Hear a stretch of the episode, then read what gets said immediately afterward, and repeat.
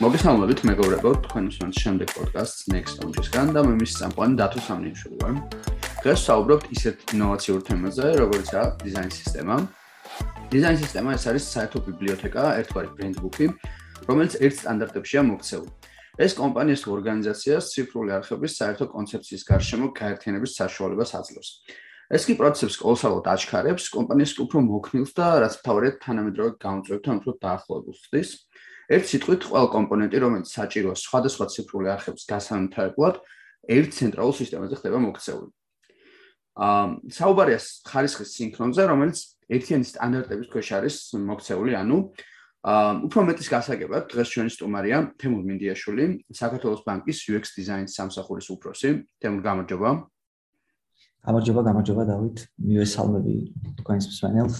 კი ბატონო, აი რა პატარ შესავალში კი ვთქვი, ახლა დაახლოებით რაზე რაზე ვისაუბრებთ, მაგრამ აა შენ უფრო კარგად შეძლებ ამის ახსნას, ხო? და მოდი ამ თემაზე საუბრობ, პირდაპირ დავიწყოთ იმაზე თუ რა არის ხო ეს დიზაინ სისტემა, ანუ რა იგულისხმება ამაში და რა კომპონენტები შედის რეალურად, რომ რაც ისე აი შევახს გვისმენდეს ადამიანი, რომელსაც თქო და აი ამ წამს გაიგო, ხო ეს. და მისთვის გასაგები რო იყოს, მოკლედ რაზე რაზე ვსაუბრობთ ესე ვთქვათ. ოკეი.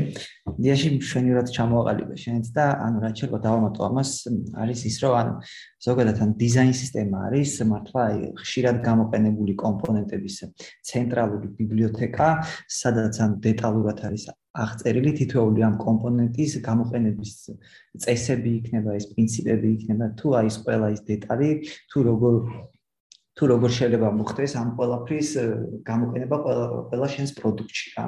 ის ვახსენებ უკვე რომ საქართველოს სიტყვაზე ახალია ეს, მაგრამ აი თვითონ სოფლიოში დოდან გამოჩნდა და აი როდის დაიწყო ამის დანერგვა რა აი ამ სისტემების.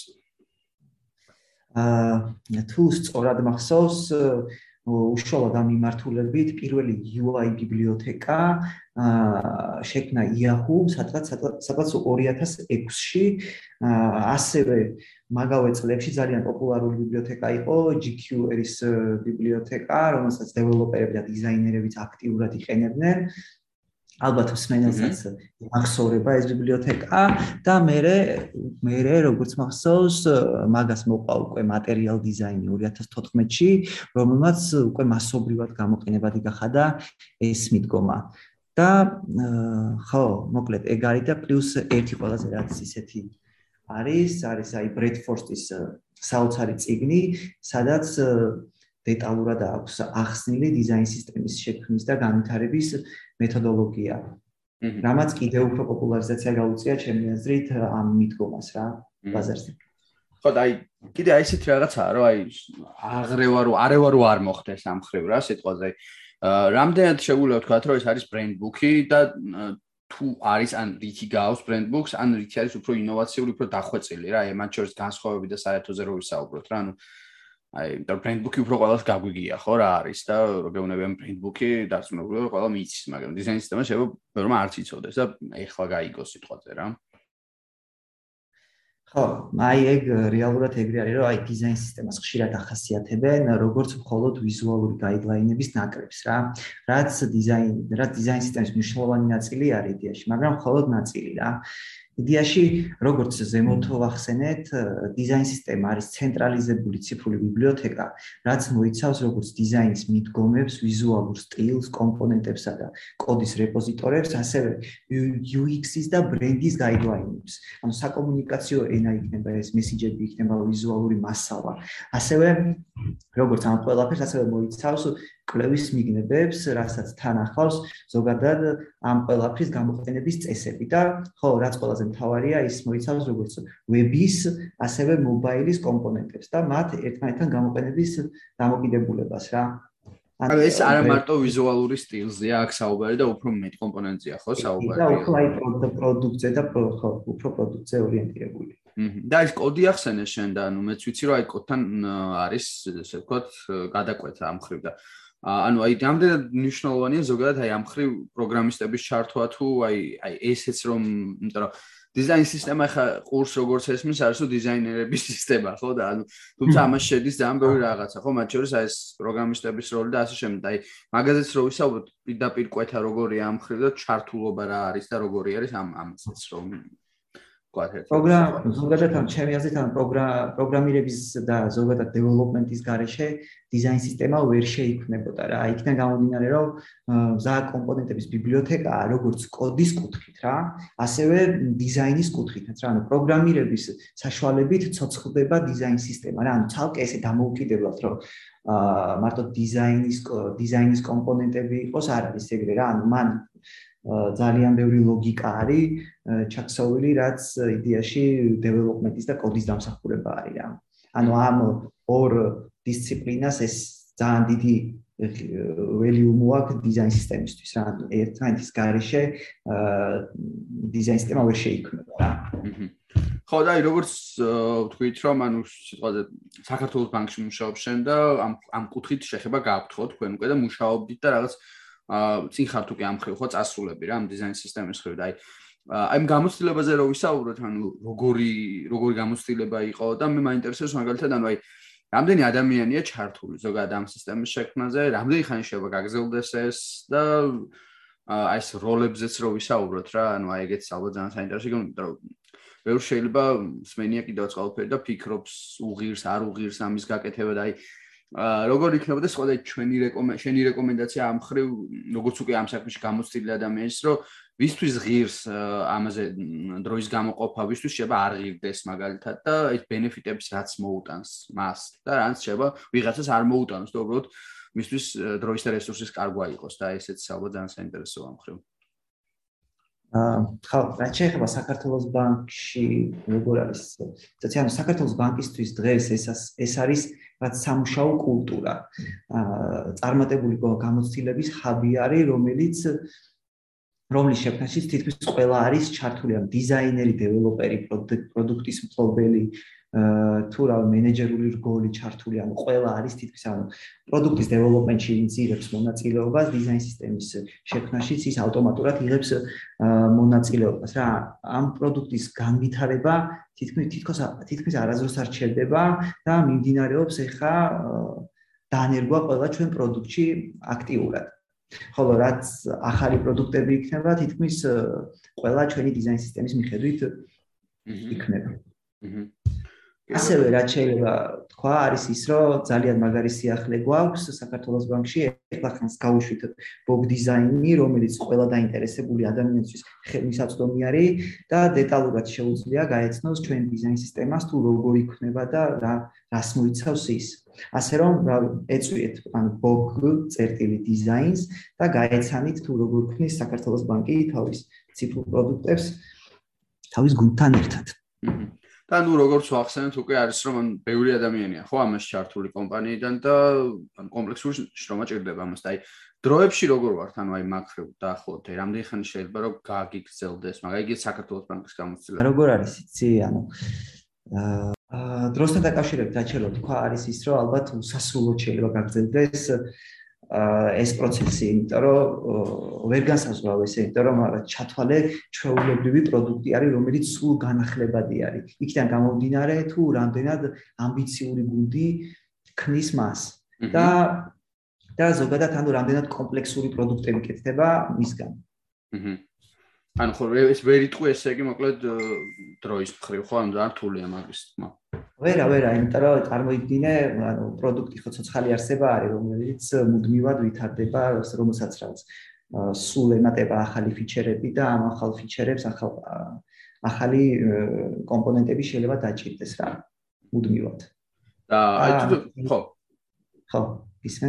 აი საჭიროებებს რო საუბრობდით, ანუ რეალურად ეს როგორც მე ვიცი, აუცილებლად ანუ შეიძლება არ დაჭირდეს პატარა კომპანიებს, ხო, უფრო ჭირდებათ ისეთ კომპანიებს, რომელთაც კომპლექსური ესე თქვა მიდგომები აქვთ, აქვთ ბევრი ციფრული არხები, თაც ახდენენ მომხმარებელთან საზოგადოებასთან კომუნიკაციას, ხო და ანუ ამ სხვადასხვა არხების, ციფრული არხების სინქრონიზაციისთვის არის ეს ყველაფერი, ხო, რომ რაღაცა ერთი იდეის თუ არა, რაღაც კონცეფციის გარშემო იყოს ეს გაერთიანებული, ხო? ხო, სწორედ მესმის ეს და აა კიდე არის ძალიან მნიშვნელოვანი თვითონ კადრების ცვლილებების ხრივ, ხო? ანუ მაგალითად ერთია, როდესაც შენ შეიძლება დიზაინერი შეიცვალოს კომპანიაში ან სხვადასხვა მსგავს პოზიციას მომშავე ადამიანი და აჰა.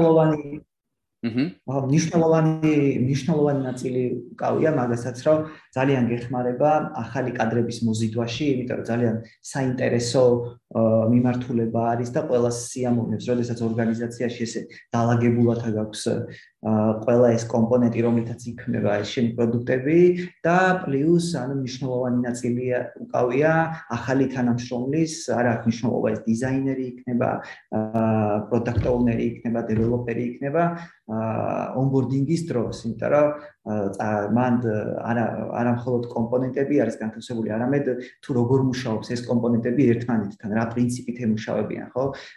იქნება ეს რაღაც აა responsive თუნდაც ხო მაგალითად აი რილაკები ერთმანეთთან როგორ მუშაობს მაგალითად მობაილზე მაგალითად ტაბლეტზე და აი ამ onboarding-ის ნაწილს ძალიან დიდი მნიშვნელობა აქვს იმისთვის რომ საომავლოდ ან კომუნიკაციაში დიდი დრო არ დაეხარჯოთ ადამიანებს ერთმანეთთან კი ბატონო. ხო და ანუ ეგ არის და კიდე ის მომენტია რომ საერთოდ კადრები რო იცვლება როგორც მომდი ანუ ერთია რომ შენ სიტყვაზე თავიდან გიწევს ხო? ვიღაცას აუხსნა მაგალითად რაღაც მოარგო ამ სტანდარტებს და ეს არის რაღაც ერთგვარი სახელმძღვანელო ხო? რომელსაც ნებისმიერ კადრი რომელიც ცვლება შეუძლია რომ გაეცნოს და ავტომატურად ამშვენს იმუშაოს ხო? ეს კულტურას გაეცნოს. ხო იქიდან გამომდინარე რომ აი რასაც ვამბობდით ანუ დიზაინ სისტემა არის კულტურა თუ როგორ ქმნით ციფრულ პროდუქტებს ასე რომ აუცილებელია მაშინ რავი აუცილებელია რომ ეს ყველას კონდეს გაანალიზებული ეს.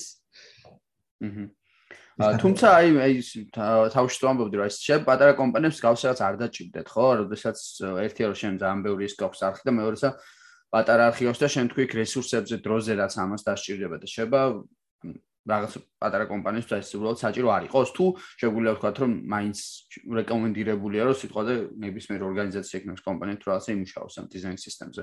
როგორ არის იცი ძალიან მნიშვნელოვანი არის ეს მიდგომა შეინარჩუნო, ანუ დიდი კომპანია იქნება თუ პატარა კომპანია მაგას ესე ვერ განსაზღვრა რა, იმიტომ რომ ეგ დამოკიდებული არის რამდენად რამდენად გინდა შენ რომ შენი პროდუქტი იყოს მომხმარებლებისთვის თანმიმდევრული და მარტივად მართვადი, ხო? იმიტომ რომ აა როგორც ადრე ვახსენე, ანუ ერთი სორსი გაქვს, რომლის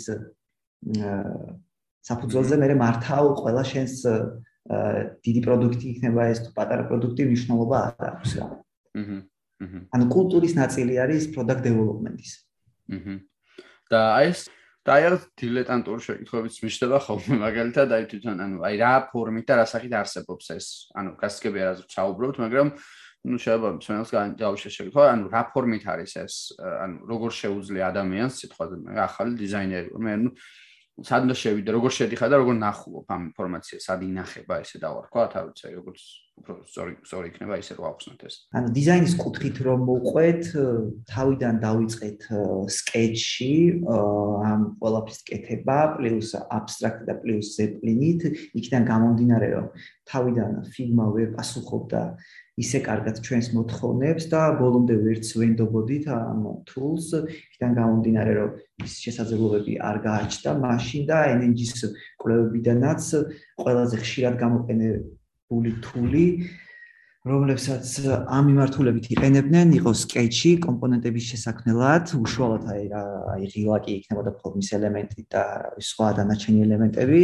აა უშუალოდ კოლაბორაციისთვის ვიყენებთ აბსტრაქტს, ხოლო აი დეველოპერებთან საკომუნიკაციოდ, სადაც დიზაინ სისტემის გარემო ასევე მოწყობილი ქონდა, ვიყენებთ ზეპლინს. ყველაზე დიდი პრობლემა იყო ამ ყველაფერში, რომ ვიყენებთ სამ tools და ზოგ შემთხვევაში 4 tools-აც აი პროტოტიპირებისთვის და სადღაცა Figma-ს საშუალებით დავედით აა ერთ tool-ამდე, რაც ძალიან მნიშვნელოვანი პროგრესი იყო ამ მიმართულებით რა, ანუ ფიგმამ თითქმის ჩაანაცვლა და შეკვეცა ის ხარჯები, რასაც მაგალითად რაც იხარჯებოდა თუნდაც ამ სამი სოფტის შენარჩუნებაზე რა. სადაც ერთი წელი ტესტავდით, სადაც ერთი წელი ტესტავდით ფიგმას და ვაკვირდებოდით თუ რა რამდენად აკმაყოფილებდა ყველა ჩვენი needs, რაც გვჭირდებოდა product დიზაინში და საბოლოოდ საბოლოო ჯამში გადმოვიტანეთ ეს თლიანი ბიბლიოთეკა თავისი ინტერაქციული ნაწილით. ხო და ახლა შეგვიძლია ყველას ჩვენი კომპონენტი ხელმისაწვდომი არის დიზაინის კუთხით Figma-ზე და რაც შეეხება developments, აწყობილი კომპონენტების სანახავად, ვებში ვიყენებთ Storybooks ხოლო mobile-ში ჩვენი ასე ლამაზი showcase API გავაკეთეთ, სადაც ხელმისაწვდომია ყველა კომპონენტი კატეგორიების მიხედვით. აჰა. და მიმართულებების მიხედვით. აჰა. გასაგებია. ხო და ანუ შესაბამისად გამოდის რომ ანუ იქ შენს ფინანსური სახსენი რა იდეაში ანუ ამ ხრივადაც შეგვიძლია ვთქვა ხო რაღაც გარკვეული სახსრები ჭირდება ხო ანუ ამას და ამ ხრივადაც თუ ესეც რომ ვთქვა ბარემ ანუ რამდენად მასშტაბური შეიძლება იყოს თუ ეს დამოკიდებულია ინდივიდუალური ალბათ მაინც კი, რა თქმა უნდა, დამოკიდებული არის აი იქიდან გამომდინარე, რამდენად კომპლექსური, რამდენად კომპლექსურ პროდუქტებს აკეთებს თვითონ ორგანიზაცია რა. მაგრამ აი რაც ფინანსურ ხარისსაც შეეხება, აა თავიდანვე კომპანია, უნდა კომპანიას უნდა კონდეს მისი მოლოდინი, რომ აი ეს პირველადი შეფასების პროცესი ძალიან დიდ დროს მოითხოვს. აჰა. ხო, აი მე მაგალითად ხო ხო დისკეილზე და დროში უკვე გაძლევს აა მაგმოგებას რა. აჰა. ხო მე მაგალითად ეხლა რაც მახსენდება არის ჩემი გამოცდებით რაც სხვა სხვა კომპანიებში მომშავია, ანუ იყო ხოლმე ეს პრობლემა ზოგადად რომ აა აი მაგალითად სადაც account manager-ი, პროექტის მენეჯერი, ანუ სიტყვაზე რაღაც დიზაინერი და სხვადასხვა სხვადასხვა კადრები, ესე ვთქვათ, აი რაღაცა როდესაც ერთ პროდუქცია შეიძლება მუშაობდნენ, ან მათ საქმიანობა იკვეთებოდეს, არის ხოლმე რაღაც ერთმანეთს საქმის ჩარევა და ამის მიხედვით შეიძლება ისე უნდაოდეს ამას, რომ ეს ჯობია, მეორე უნდაოდეს ამას, არა ესე ჯობია და ხშირად აი რა კომპანიებში თქო ხოლმე მე ანუ ეს არეულობას იწევდა ხოლმე და უთანხმოებას როგორც თვითონ staff შორის, ესე პროდუქტის გამოსვლას და რაღაცა გვიანდებოდა ხოლმე და რეალურად ამ ხრივადაც ალბათ მე ესე წარმომიდგენია რომ ამ ესეთ რაღაცებსაც ერთგვარად მოაგვარებს ხო? ანუ ესეთი პრობლემებიც ესე ვთქვათ ნაკლებად იქნება ხო კომპანიაში თქო კი კი კი. ზუსტად აი მაგ პრობლემას აგვარებს მნიშვნელოვნად იქიდან გამომდინარე რომ ამ თლიანი ბიბლიოთეკის და დიზაინ სისტემის შექმნაში ჩართული არის თლიანად გუნდი ყველა ვინც ქმნის ზოგადად პროდუქტს და თითოეული ამ დიზაინ სისტემის კომპონენტი რომ იქნება დადის ძალიან მნიშვნელოვან სტეპებს რა ეხლა რისერჩის ფაზა, ანალიზის ფაზა, თუნდაც დიზაინის ფაზა, მერე დიზაინის ფაზას მოყვება დიზაინ რევიუ, სადაც განიხილავს არამხოლოდ არამხოლოდ კონკრეტული დიზაინერი, არამედ ჩართული არის დიზაინ რევიუში, როგორც დეველოპერი, პროდუქტ ოუნერი და სანამ ეს კონკრეტული კომპონენტი განთავსდება ცენტრალურ ბიბლიოთეკაში, ყველა იმ ნიდს უნდა აკმაყოფილებდეს, რამოთხოვნაც აქვს პროდუქტს და არა რაც კონკრეტულ ერთ ადამიანს რა.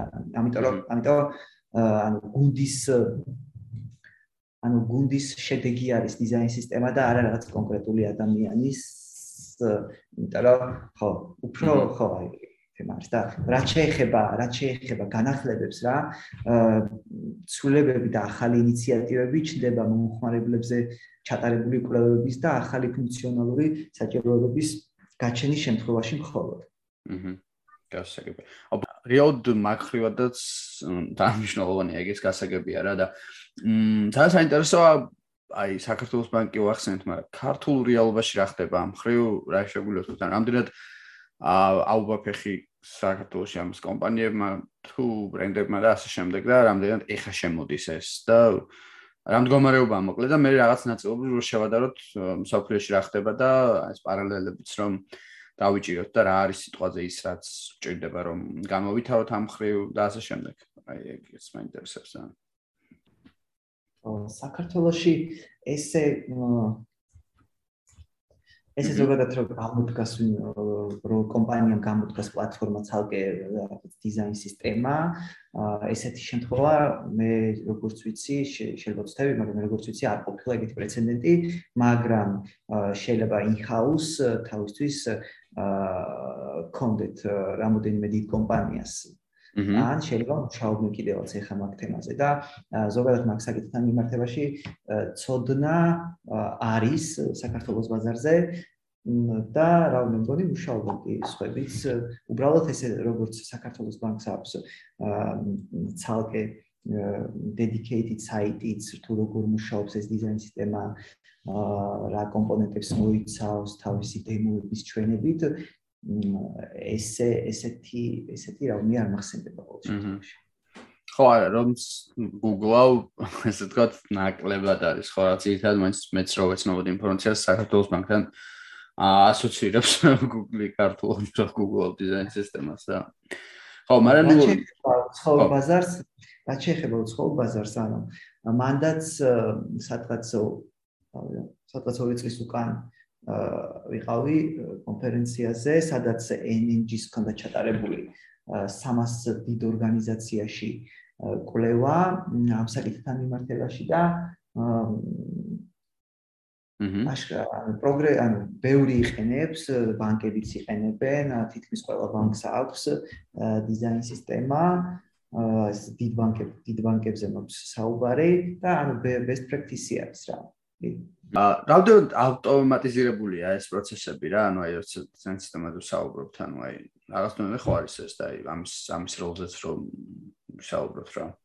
აი მისი ანუ ძირითადი ხიბლი მისი არის ის რომ წარმოიდგინე ყველა შენს პროდუქტში ყველაფერი ყველაფრის მართვა შეგიძლია რა ცალკე ერთი სორსიდან რა აი მაგალითად გაქვს რაღაც წარმოიდგინე ლეგოს პრინციპით შეგიძლია ააშენო რავი 10 15 50 პროდუქტი და ყველა ეს პროდუქტი არის თითქმის ერთი single source-დან მართვადი რა, აი მაგალითად რომ მონიტორო ეკეს რომ მაგალითად ღილაკები იყოს რაღაც მონგვალებული, ერთ ადგილას მოანგვალებ და თითქმის ყველა შენს პროდუქტში მარტივად აისახება ეს ყველაფერი რაღაც ადამიანური რესურსის ცირე ჩარევით რა. თითქმის ყველა პიქსელს მართავ შენს პროდუქტებში რა. ეგ არის მისი ძირითადი ხიბლი. აჰა. გასაგებია. აა კი ბატონო და ანუ იცი რა დამაინტერესა კიდე რომ ანუ გასაგებია რომ სიტყვაზე დაახლოებით ეს დიზაინ სისტემა რასაც წარმოადგენს ის ყველაფერი გასაგებია მაგრამ აა რამდენად არის სიტყვაზე აი მე რაღაც ცოტა იმას წავედი ხა რა ესე თქვა ცოტა შორეულ მომავლისკენ წავედი რა ანუ აი ეს რამდენ აი რა შეიძლება იყოს ესეთი სისტემის სიტყვაზე კიდე უფრო განვითარების შემდეგი ეტაპი? თუ თუ წარმოგიდგენია რამე ეგეთი და აი თუ გესახება იმიტომ რომ ანუ ერთი არო სიტყვაზე მანამ გაჩნდებოდა ეს სისტემა, ხო? სიტყვაზე რაღაცა აკლდა და ამან ამოავსო ამით და თუ ფიქრობ აი დიზაინ სისტემის ზოგადად უარყოფითებს უარყოფითზეს თუ შეგვიძლია რამე ვისაუბროთ და რაც აი მაგალითად ჩემ ფიქრობ რომ უკეთესი იქნებოდა რომ გაუნჯობესდეს ან ასე შემდეგ. აი აი ამ ამ ამოსასვლელი ხო შეგვიძლია უკვე ვისაუბროთ იმას თუ როგორ შეიძლება იყოს კიდე უკეთესი.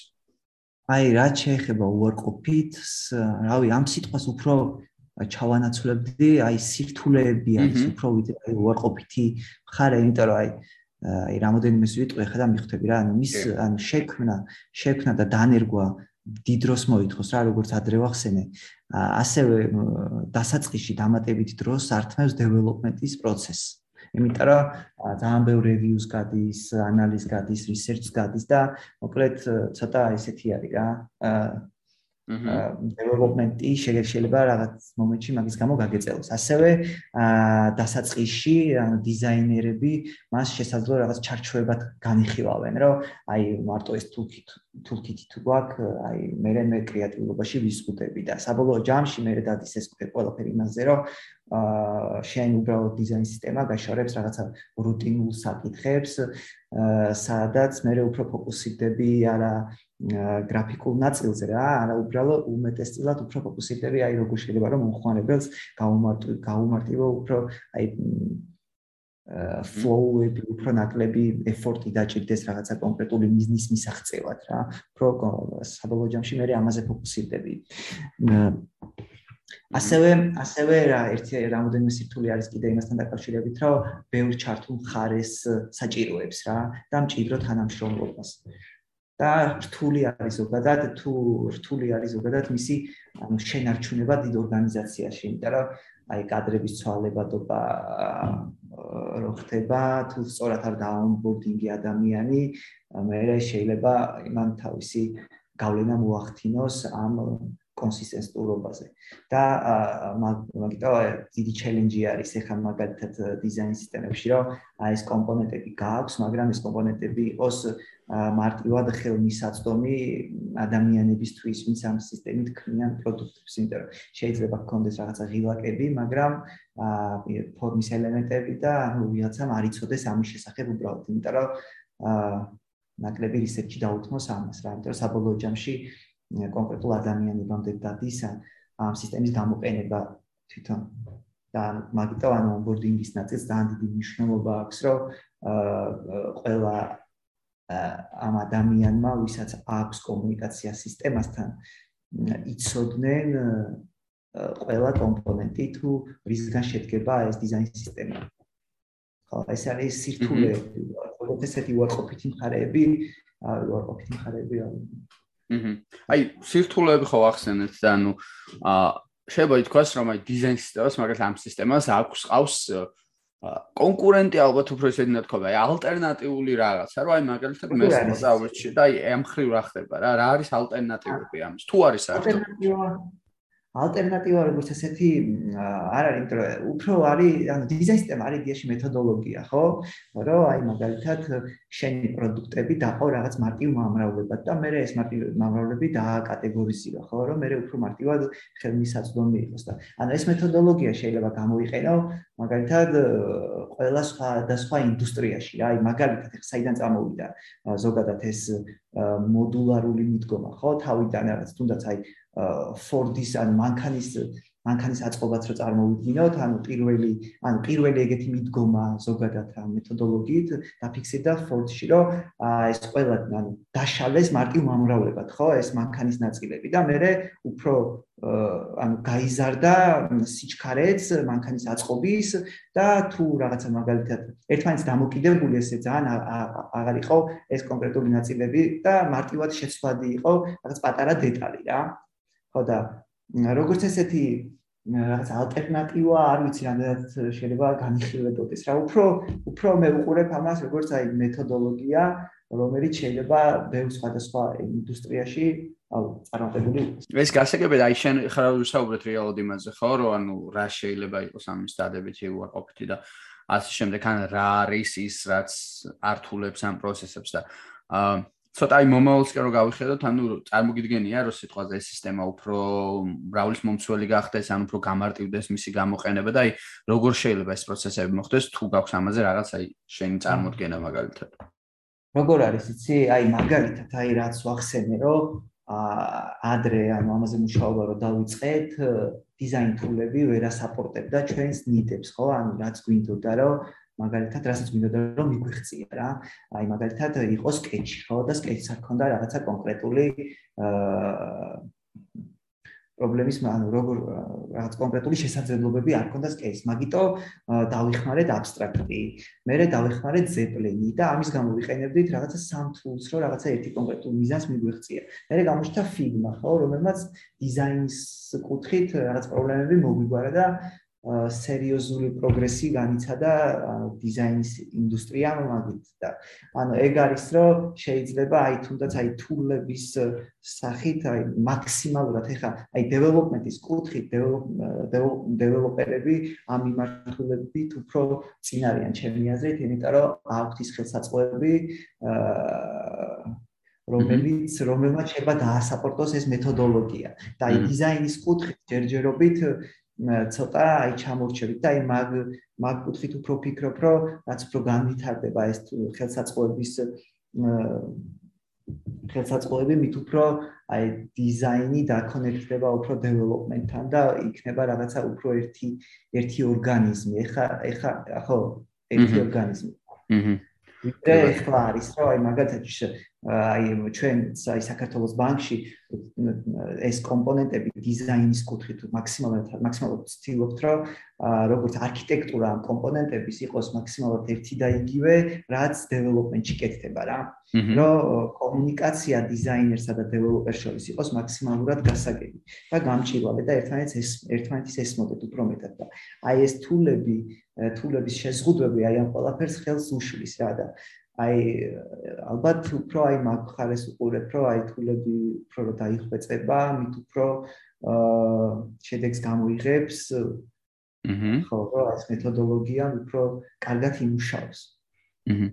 ხო, და ნუ ეგ ესე იგი ხავს საუბრობთ იმაზე სიტყვაზე რომ ანუ აი დიზაინერს რას უკეთებს სიტყვაზე ეს თვითონ უშუალოდ პროგრამის ანუ ეს ურთიერთობა თვითონ კომპანიისთვის რაღაცა ის რომ რაღაც ერთი კონცეფციის გარშემო გააერთიანოს ამას მაგრამ ამას შევეხეთ კიდევაც, მაგრამ ანუ ასევე საინტერესოა ძალიან ესე ვთქვათ თვითონ მომხარებლის, ხო, რამდენ user friendly არის ეს თვითონ სისტემა, კლიანტ და ანუ რას აძლევს ესე ვთქვათ მომხარებელს ამას, რა, ეს ყველაფერი და ამაზეც რომ თქვა ალბათ ერთი-ორი სიტყვა საინტერესო იქნება და თვითონ ანუ მომხმარებლისთვის რამდენად აუნჯობესებს ეს სიტყვაზე იმას რომ იყოს სიტყვაზე აი მაგალითად საქართველოს ბანკის მომხმარებლისთვის რა საუნჯობესებს ეს და რისთვის არის ეს კარგი თვითონ უშუალოდ მომხმარებლის გადმოსახედიდან რაც შეიძლება მომხმარებლის გადმოსახედიდან დანახული დიზაინ სისტემა არის ის რომ პრო თანმიმდევრული არის ყველა ეს პროდუქტი რომელიც რომელსაც აწარმოებს მისთვის საქართველოს ბანკი. აი წარმოიდგინე ხარ ჯერ მობაილ ბანკში და მობაილ ბანკის ხარ შეჩვეული იყენებ ამ პროდუქტს მაგალითად რაღაც გადარიცხვას აკეთებ, გადახდას აკეთებ და იცი უკვე რომ აი მაგალითად გადახდას რო იწყებ, გადახდის ლივაც რო აჭერ, მაგის მერე რა პროცესები შეიძლება დაიწყოს, ხო? მერე როდესაც როდესაც ხარ მომხმარებელი და იწყებ სხვა პროდუქტის გამოყენებას საქართველოს ბანკის ეს და მაგალითად გადიხარ ავტორიზაციას რა, უფრო ხო, ანუ უფრო თანმიმდევრული არის და კონსისტენტური ყველა ეს პროდუქტი რა, აი მომხმარებლისთვის და იმის შიში არა აქვს თუ აი მაგალითად ამ ღილაკის მე რა flow შეიძლება დაიწყოს რა თან ფინანსური აპლიკაციებთან მიმართებაში მომხმარებლები უფრო სენსიტიურები არიან და ნაცნობ გარემოში რომ ხვდებიან უფრო დაცულად გრძნობენ თავს.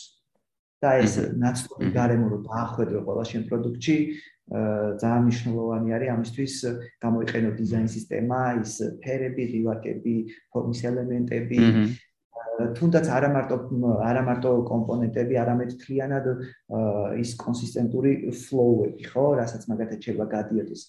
ინტერნეტ ბანკში, ასევე ფლოუ დაახვედრო მაგათაც მობაილ ბანკშიც.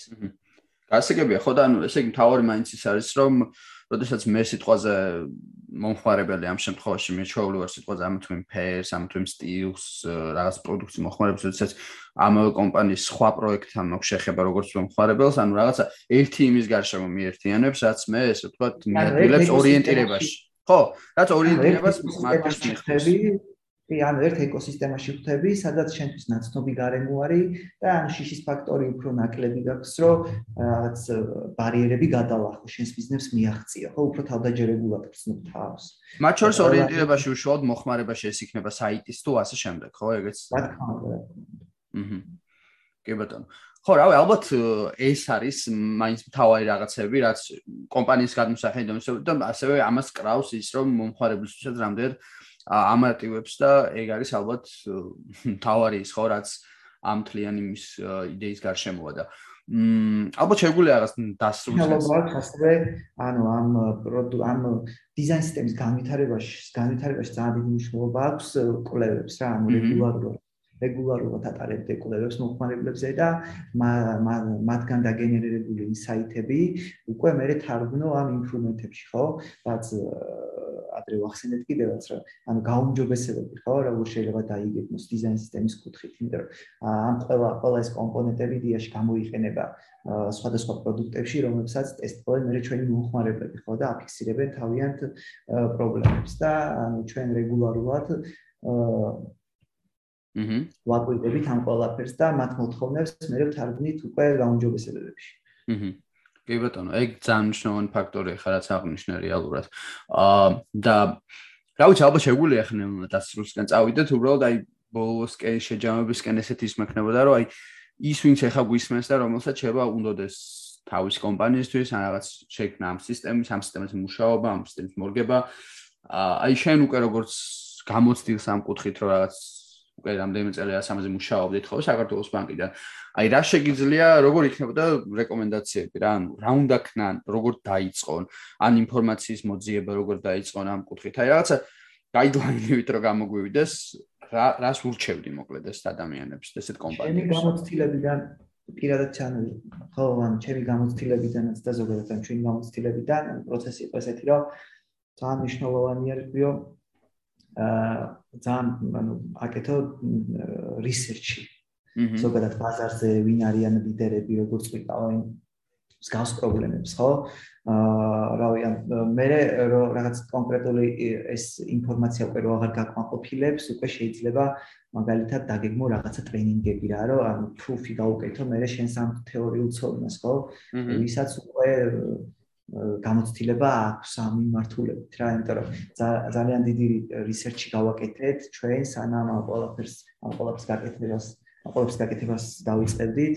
მე რაღაც შეიძლება ან ტრეინინგებიც გაიარო და მაგ კუთხითაც თუნდაც აი წიგნი რო ახსენე ბრედფორსტის მაგ ადამიანს აქვს ძალიან მაგარი ვორქშოპები და შეიძლება დაესწრო უკვე ონლაინადაც მაგ ვორქშოპებს, ასევე ენერგიის ტრენინგებს შეიძლება დაესწრო.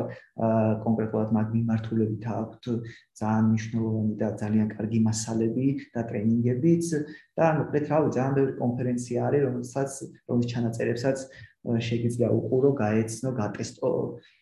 შენს პროდუქტებში, ეხლა Figma-საც აქვს ძალიან საინტერესო კონფერენციები ამ მიმართულებით, სადაც დიდი ბრენდები გამოდიან და საუბრობენ თავიანთ რაც მიღწევებზე ან კუთხით და თავიანთ ინსაიტებზე და უზიარებენ ყველას. მოკლედ ინტერნეტი არის ისე ის ძირითადი რესურსი, სადაც შეიძლება რომ დასვა ეკითხები რა. აჰა. მოკლედ ეს ყველაფერი არის ინტერნეტში, მეგობრებო, ასე რომ შეგიძლიათ გაეცნოთ ამ ხრივ. აა და ასევე მნიშვნელოვანია ის რაც ჩვენ თქვი, რომ საქართველოს ბანკი აზიარებს თავის გამოცდილებას და შეგიძლია რომ შეუძლიათ რომ აქ გაეცნოთ. კი ბატონო, უკვე შევიძლიათ გაეცნოთ ქართულადაც ამ ყველაფერს ბლოგ წერტილი დიზაინზე, სადაც დეტალურად არის აღწერილი ყველა ეს ჩვენი კომპონენტი, მიდგომები, როგორ მუშაობთ, და ასე შემდეგ. მოკლედ ყველაფერი არის ამ საიტზე თავისი ბლოგებით აქვს და მოკლედ ავაპირებთ გაჩერებას. და კიდე დავამატებთ ბევრ საინტერესო სიახლეებს.